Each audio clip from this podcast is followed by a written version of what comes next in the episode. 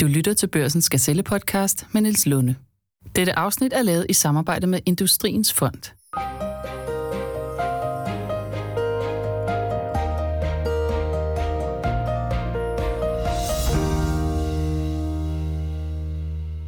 Det er som bekendt ikke kun restauranter og flyselskaber, der er hårdt ramt af coronakrisen. Flere industrivirksomheder oplever også, at krisen presser forretningsgangen. Eksporten er ramt, der er lavvand i ordrebøgerne, og mange lægger folderne i blød for at tænke kreativt. Så hvad skal Danmarks industrisektor gøre for at komme sikkert igennem krisen? Det sætter vi fokus på i dag, hvor vi både dykker ned i de store linjer og de små linjer ved at drive industrivirksomhed i en krisetid. For selvom krisen er hård, så rummer den også muligheder. Så i dag sætter vi fokus på muligheden for at kunne digitalisere sin forretning og i særlig grad sine services. Mit navn er Niels Lunde, chefredaktør ved Børsen. Vi har i dag Kim Fausing, administrerende direktør fra Danfoss, med på en telefon. Vi har Jens Nyeng fra Jorgensen Engineering i Odense med på en telefon. Og vi har Thomas Hoffmann Bang, administrerende direktør i Industriens Fond her i huset. Vi starter hos dig, Kim Fausing. Velkommen. Ja, tak skal du have, Niels. Du er administrerende direktør i landets største industrivirksomhed, Danfoss. Hvordan har du oplevet de sidste par måneder med coronakrisen? Jamen altså, det er jo noget af en, øh, man kan i hvert fald sige, det er noget af en, en øh, omvæltning, fordi vi kommer ud af en meget stærk øh, vækstfase og investeringsfase, og, og så ind i en øh, fuld opbremsning i en, en krise, som jo selvfølgelig øh, og, som er uforudsigelig, kan man sige, og egentlig uden sidestykke, øh, og, og som har alle elementer, kan man sige, at hvad en krise nu har, og markeder, der egentlig er okay, og markeder, der er helt lukkede. Så det, øh, jeg synes, det, det er selvfølgelig udfordrende, og det, det kræver altså, at man kan træffe beslutninger øh, og korrigere retningen øh, temmelig hurtigt. En af de største udfordringer, som alle har opdaget, det er supply chain. Altså den supply chain, som alle har brugt så mange kræfter på, at gøre så effektiv som muligt, at den nu også viser sig at være sårbar, og derfor skal gøres mere robust. Er det ja. også en, en erkendelse, I har gjort jer i Danfoss? Ja, altså, du, øh, der, der er jo lidt en baghistorie, som startede i finanskrisen for Danfoss, øh, hvor hvor som udgangspunkt den, den supply chain, vi havde i Danfoss, var, var temmelig øh, lang. Den var ikke så fleksibel og heller ikke så agil, og det har vi sådan set arbejdet på siden da.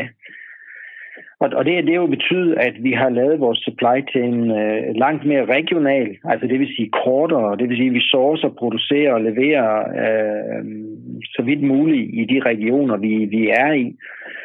Øhm, og, og vi har bygget meget op, sådan at vores, vores leverandørbase, den er stærk, altså færre, men, men, men større partner, og aldrig kun én leverandør til, til et komponentsæt. Øh, og, og det har faktisk gjort i dag, at, at, at det, var en, det var faktisk en stor hjælp, da der så kom, øh, der kom handelskrig på tapetet. Og, og jeg vil også sige, nu hvor det så er en coronakrise, hvor, hvor lige pludselig det er enormt svært at flytte tingene rundt, så har det faktisk alt i alt vist sig som en, en meget, meget robust model, fordi vi har sådan set ikke været lukket ned øh, nævneværdigt i vores øh, fabriksfootprint globalt. Vi har 75 fabrikker, og de, dem har vi i det store billede kunne holde pænt i gang igennem øh, den første del af krisen her. En af de største udfordringer er jo også, først og fremmest skal man selvfølgelig tage sig af sine medarbejdere, det siger sig selv, men dernæst så også at hjælpe sine kunder så godt man kan. Hvordan har I grebet det an i Danfoss? Altså der, der er to, øh, ligesom to, øh, der er jo operationelt kan man sige, hvis, hvis vi kigger på øh, vores, øh, vores kunder først, øh, Øh, så, så har det jo været at være meget tæt på vores kunder. Og der, vi har haft et princip fra dag et i den her krise, at, at vi skal kunne holde vores supply chain kørende, vi skal være tæt på vores kunder, så vi har faktisk på den operationelle side haft hvis ikke dagligt, så flere kontakter hver uge på at forstå helt nøjagtigt, hvor er vores kunder. Der er jo mange meget forskellige situationer. Nogle har haft helt lukket ned, nogle har kørt videre. Så det har vi været meget tæt på. Altså løbende kontakt øh, og, og være i stand til at tilpasse sig. Og så er, det, så er der sådan en mere strategisk side, hvor, hvor den ene del af det, den, den er mere den fleksibilitetshistorie, den regionaliseringshistorie, at, at vi øh, har styr på vores supply chain. Men en anden strategisk øh, øh, element, synes jeg, og det er det digitale. Fordi øh, vi, vi kan jo se, at vi har investeret meget i at digitalisere vores vores kontakt til vores kunder på, på alle niveauer. Øhm, og, og det kan vi faktisk se lige nu, at der er en enorm stigende øh, interesse for vores kunder i at accelerere det. Så, så der er ingen tvivl om, at det er et takeaway for os, at det, og det skal vi gøre meget mere vedgående fremad og være meget hurtigere og ambitioneret med omkring, hvordan vi linker op til vores kunder digitalt. Kan du sige noget mere om det? Fordi det tror jeg, det er noget af det, som alle, både små og store industrivirksomheder, er meget optaget af nu. Det er, hvordan man kommer ud af krisen ja. en stærkere, hvad skal vi sige, en stærkere digital indsats, end man har haft tidligere? Ja, altså, altså for det første, vi har jo måttet investere i at lave et, en meget stærkere backbone i Danfoss, et One ERP-system, som virkelig, som virkelig kan meget mere end det, vi, det, vi havde før. Så, så eftersom vi har fået det på plads nu, øh, så får vi lige pludselig muligheder, fordi vi har fået meget bedre styr på vores data. Og, og, og det, at vi får så meget styr på vores data og vores link til kunderne, det gør, at du faktisk kan åbne vores supply chain og, og vores, øh, vores virksomhed op for kunder, så de selv kan gå ind og, og lave ting. Altså de kan gå ind og, og designe et produkt, som de bare kan bestille med det samme. De kan gå ind og se, hvor er de varer, jeg har bestilt. Øh, at de kan gå ind og, og få et chat-hjælp til tekniske ting, øh, når de sidder og lige har, har brug for det. Og, og det over en bred kamp kan man bare se lige nu, hvor du faktisk ikke kan tage ud og besøge dem øh, på den måde, vi plejer at gøre, at, øh, at det er noget af det, der virkelig hjælper os til at holde, holde gang i julen. Så det, der er ingen tvivl om, at, at, at at få, få det op på et højere niveau og bruge det stærke IT-backbone, vi, vi, vi nu har, øh, det, det, er, det er en af de helt store prioriteter for os. Og det er blevet accelereret i coronakrisen? Det er det, ja. Altså, vi havde meget fokus på det, og, og, og der, man kunne stadigvæk mærke, at der var der er jo regioner i verden, hvor, hvor, hvor mange godt kan lide stadigvæk at sende en telefax, når de bestiller noget. Ja. Øh, for, for at tage den, den ekstreme side af det, men, men rent faktisk, så kan vi jo se nu, at, at kunder er utrolig interesserede i den der digitale link med os, hvordan kan vi bygge det op. Altså faktisk har vi også lavet, vi har lavet tusindvis af kundetræninger de sidste 4, 5, 6 uger, øh, virtually. Øh, og, og det virker faktisk rigtig godt, ikke? Så, så, så ja, det her, det er helt klart, der taler om en accelerering. Ikke kun fordi vi vil, men, men simpelthen fordi der er pull øh, ved vores kunder. Hvis du ser ud på den anden side af coronakrisen, og det er jo det, mange industriledere forsøger at gøre nu, hvilke vilkår ser du for dig på den anden side af krisen? Jamen, jeg, jeg, ser, jeg ser helt klart de forskellige elementer her. Nu, nu taler vi lidt mindre om, hvad vi har gjort. Altså, vores medarbejdere øh, har vi jo gjort rigtig meget øh, sammen med os, og jeg, jeg må sige, jeg er, er dybt imponeret over, at hvor, hvor meget øh, Øh, hvor, hvor, hvor godt det har virket, at vi har jo arbejdet meget, det, det tror jeg også, du ved fra tidligere øh, samtaler, og vi har gjort rigtig meget ved for at skubbe flere beslutninger ud i organisationen og på at bygge en organisation op, der, der kan træffe beslutninger, og det kan vi jo faktisk se her vi, i krisen. Vi har sat nogle ganske få principper op, og, og det er rent faktisk vores, vores forretninger, vores regioner, der nu har truffet de rigtige beslutninger i både Kina, USA og Europa, hvor det nu ellers er. Så vi, vi tror på, at vi skal blive fortsat virkelig skubbe til en, en, en jeg vil sige, en, en decentralisering af beslutninger. Altså, vi skal, vi skal have beslutningen helt ud på frontlinjen og blive endnu bedre til det. Det er i hvert fald en. Det, det næste, det er strategisk på den anden side af, af krisen, hvis vi skal investere og accelerere i vores digitale connection med, med, med vores kunder. Og, og måske den tredje ting, jeg vil, jeg vil fremhæve, er også det, at øh, regionalisering af, af hele vores, vores servicesystem, øh, sådan at vi kan virkelig øh, adapte ind til, hvad der er brug for i den øh, region. Det, det, det er i hvert fald nogle store takeaways, som, som vi allerede har. Har du et råd ellers, Kim Fausing, til mindre industrivirksomheder, som ikke har den samme økonomiske kraft, som Danfoss har? To ting. Øhm, jeg, jeg tror, des mere man, man også i, i, i, i mindre og mellemstore virksomheder fokuserer på den der fleksibilitet og agilitet, øh, altså få kompleksitet ud, være i stand til at, at hurtigt køre op og køre ned i tempo. Øh, det, det er i hvert fald en, jeg på det varmeste kan, kan anbefale, at man arbejder på det. Og den anden, det er helt klart, at, at, øh, at øh, selvom man måske ikke har de, de samme budget, som Danfoss har, eller, eller muligheder, som Danfoss har, så kan man lave rigtig meget digitalt, som faktisk er, er, ikke er så dyrt, og, og hvor man kan lave rigtig mange gode ting med, med, med, med, med sine kunder. Altså de, de to ting, synes jeg, øh, at det, det, skal man, det skal man altså... Fordi små virksomheder, de har den fordel, at de har direkte veje, og de er ikke blevet så komplicerede. Man kan hurtigt træffe beslutninger. og det havde ellers været den tredje. Så jeg tror, de to andre ting, det vil være mit, min bedste anbefaling, som lige her på stående fod. Kim Fausing, tusind tak, fordi vi måtte ringe til dig. Og fra en af de største virksomheder i Danmark skal vi til en af de lidt mindre, nemlig Jens Nying, administrerende direktør i Jorgensen Engineering, der producerer konserves til store virksomheder som Arla, Nestlé og Danone. Velkommen, Jens. Tak for det. I lancerede en særlig virtuel hjælp til at nå jeres kunder. Det vender vi tilbage til om et øjeblik. Først vil jeg gerne spørge dig, hvordan blev jeres forretning ramt af coronakrisen? Beslutningerne på ordre bliver typisk øh, udskudt. Øh, vi øh, har ikke helt styr på, hvor hurtigt at man beslutter sig. Øh, vores projekter er jo store investeringer, som stiller store krav til øh, likviditeten. Men øh, vi er dybt fokuseret på, på resten af året, og øh, vi skal selvfølgelig have nye ordre. Og vi forventer, at der kommer en endnu kraftigere priskrig på alle de her aktuelle projekter, som, som er i markedet. Men summa summarum, så er vi koncentreret og fokuseret og klar til at kæmpe en kamp for resten Det vil sige, det er lykkedes øh, at opretholde jeres produktion igennem krisen? Ja, helt klart. Helt klart. I har jo kunder i hele verden, altså Fjernøsten og Europa og Nordamerika. Kan man godt være, du ved, tæt på sine kunder, altså sådan nærhed til sine kunder, når man gør det over en computer? Nej, det er jo lidt øh, svært, men, men, men øh, en ting er at gøre det over en computer, men vi kommunikerer jo også via de her VR-briller, altså virtual reality, og de her øh, AR øh, HoloLens-briller. Det kan vi jo gøre på den måde, at vi for eksempel tager de her briller på i vores øh, fabrik, og så gennemfører vi, og kan gennemføre en såkaldt FAT-test, altså en Factory Acceptance Test, hvor vi normalt har vores kunder til stede her. Men øh, via Teams, øh, så kan kunden egentlig dirigere og instruere os i, hvad man skal øh, kigge på, på installationer, som vi har her på vores fabrik. Igen kan der deltage væsentligt flere, end der normalt gør. Og øh, for eksempel så kan kunden jo i sådan en proces øh, sige til, øh, til ham, som bærer brillerne, jamen, øh, vi vil godt lige have en video af, af det og det og det og det.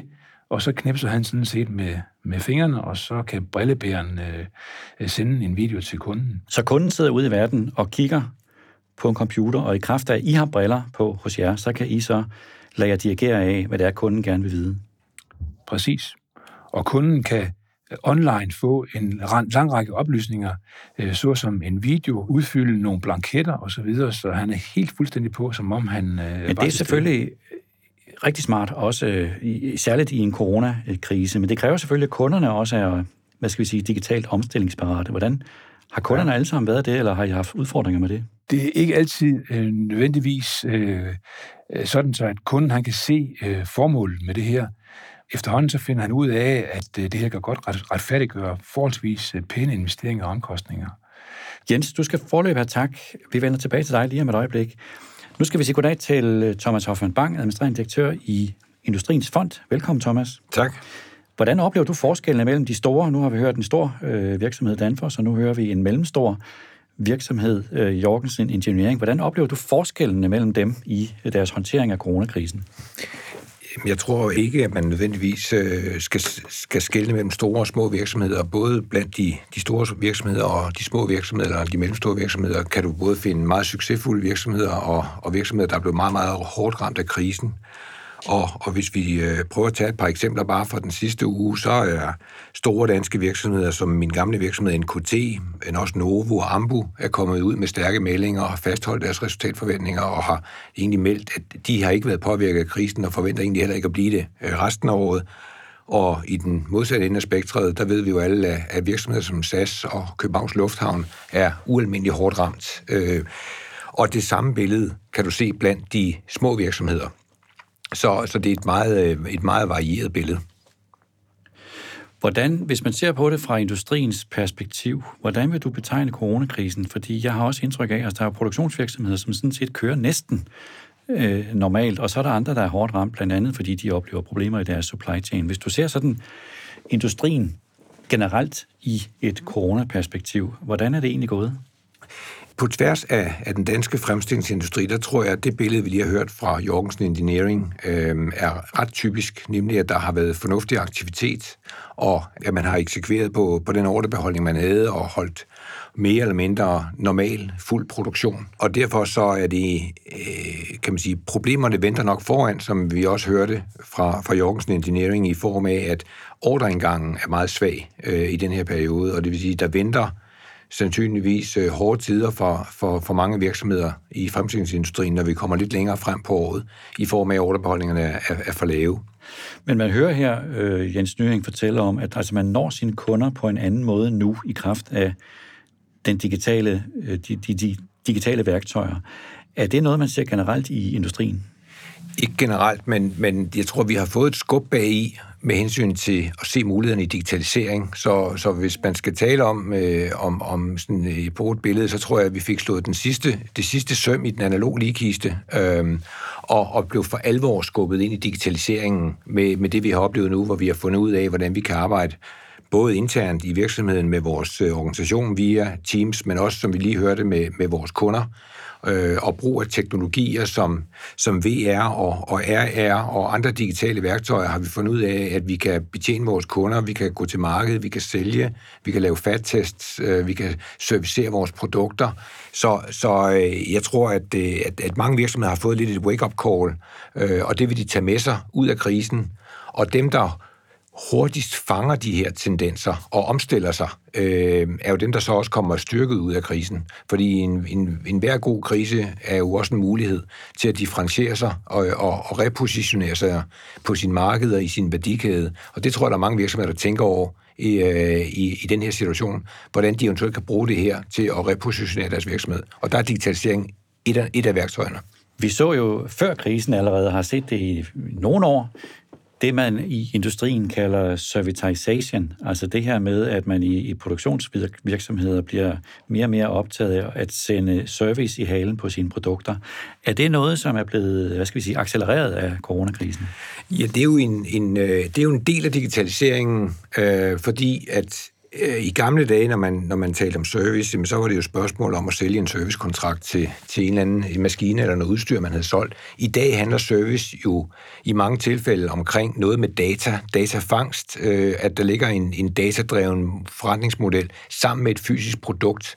Og det er der jo mange virksomheder, der i stigende grad får øjnene op for, hvordan de skal kombinere øh, og øh, kan man sige, de muligheder, der er inden for, inden for data med, med et fysisk produkt. Og, øh, og det er det, der ligger i servitization, at man kombinerer de elementer, og så kan man så tage det til, i, til, til mere eller mindre til ekstremen i, hvor meget service man sælger, og der er jo forretningsmodeller derude, hvor du sådan set nærmest ikke betaler noget for, for den fysiske vare, men hele ydelsen eller det du betaler, det betaler du egentlig for, for, for datastrømme og brug af data og lignende. Det, det er den ekstreme version af, af servitization.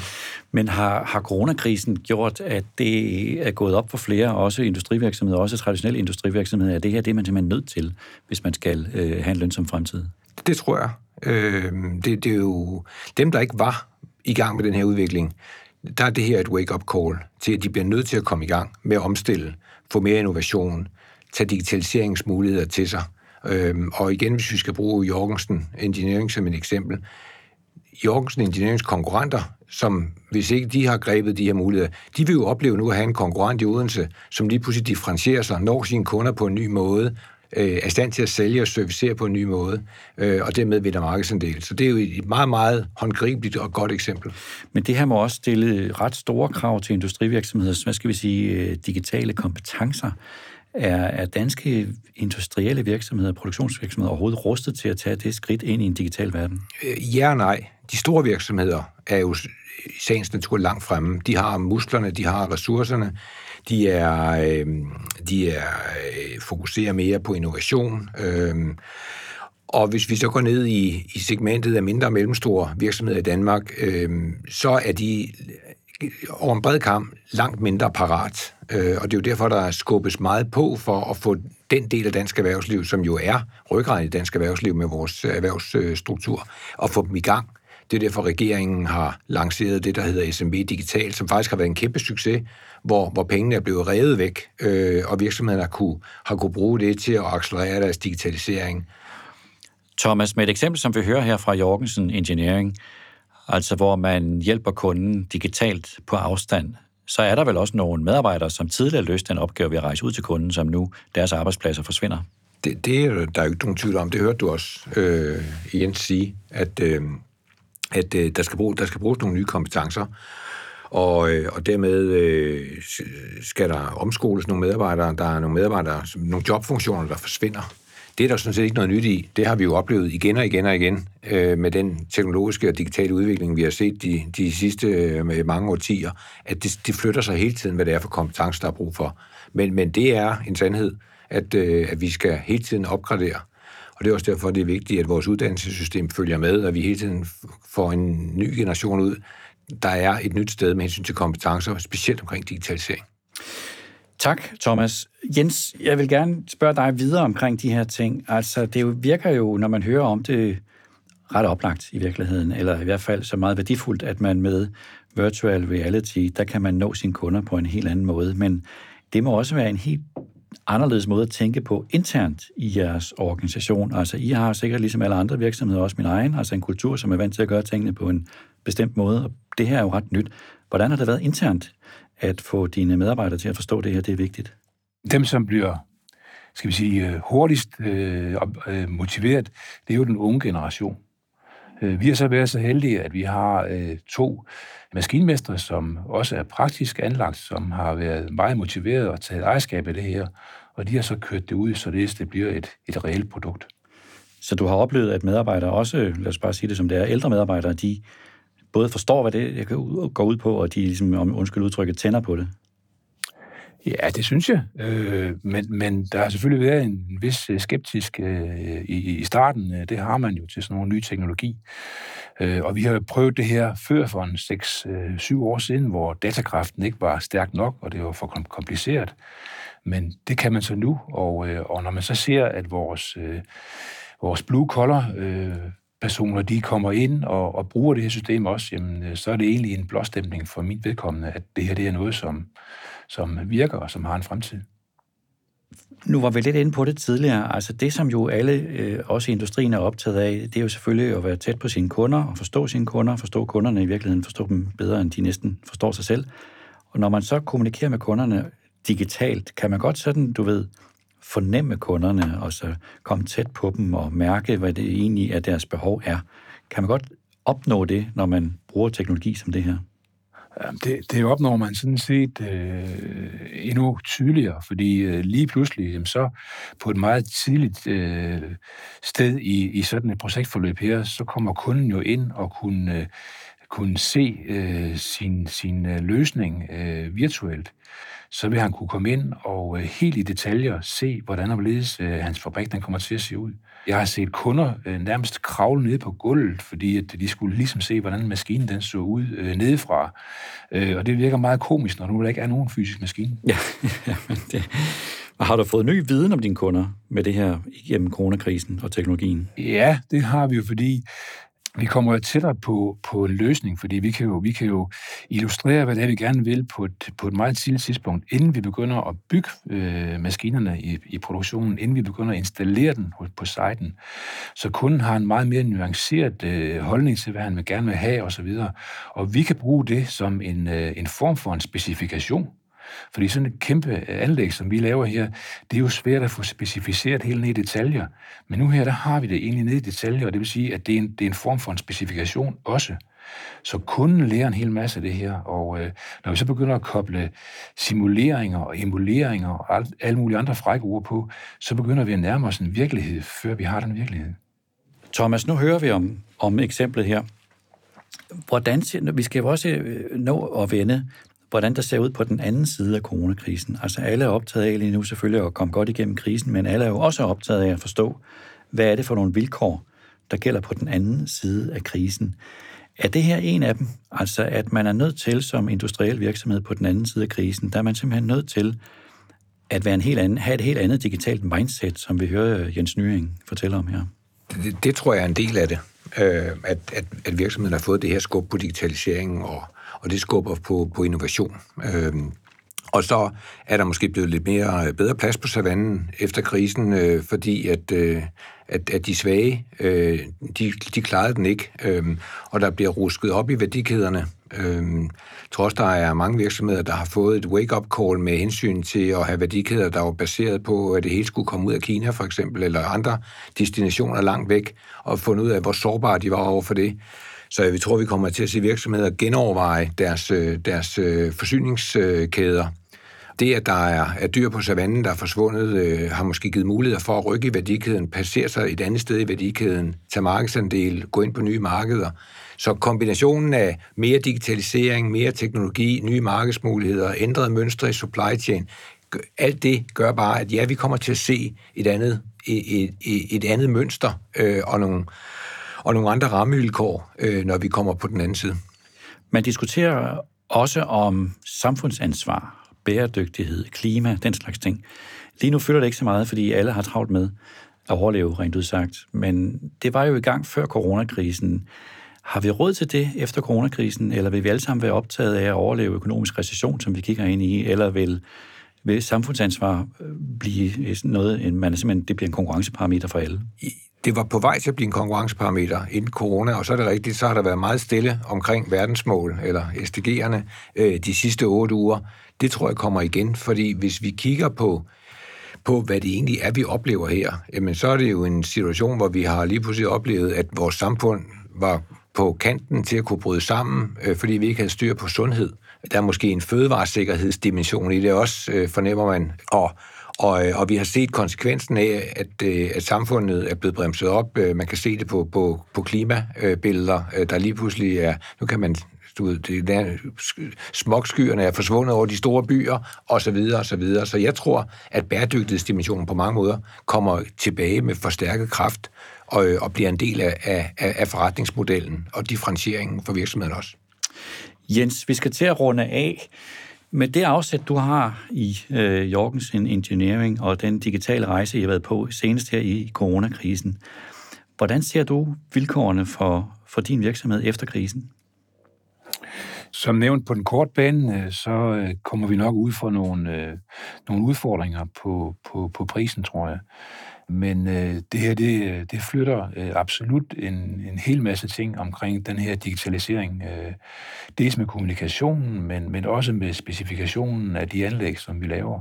Og der er masser af sporbarhed, øh, brand protection, øh, sikkerhed i, i, i at kunne digitalisere det her. Og det giver en mulighed for at kunne optimere tingene på en helt, helt anden måde, end vi har været vant til tidligere. Så øh, jeg, jeg, jeg tror ikke, i min karriere har jeg ikke øh, oplevet noget, som er så spændende og interessant, som det, vi står overfor lige nu. Thomas Hoffmann Bang, et sidste perspektiv på tiden efter krisen? Jamen, det skulle bare være et opråb og en opfordring til alle de virksomheder derude, øh, som ikke er, kommet i gang med at omstille sig til at se nu at komme i gang. Øh, fra Industriens Fonds øh, side har vi lanceret en stor kampagne, øh, vi kalder genstartnu.dk, hvor, hvor vi øh, gratis stiller, stiller rådgivere til rådighed for danske mindre og mellemstore virksomheder med henblik på at hjælpe dem med at komme videre, sådan lidt populært sagt varme hænder øh, på toppen af alle bistandspakkerne, til at komme i gang øh, med at finde ud af, hvad muligheder er der i den her krise, hvordan kan de omstille sig, og det kan være på en række af de områder, som, som vi alle sammen allerede har, har været rundt om i samtalen her. Øh, men det vigtigste er, at de kommer i gang. Thomas Hoffmann Bang og Jens Nyring, tusind tak, fordi I vil være med i dag. Velkommen. Velkommen.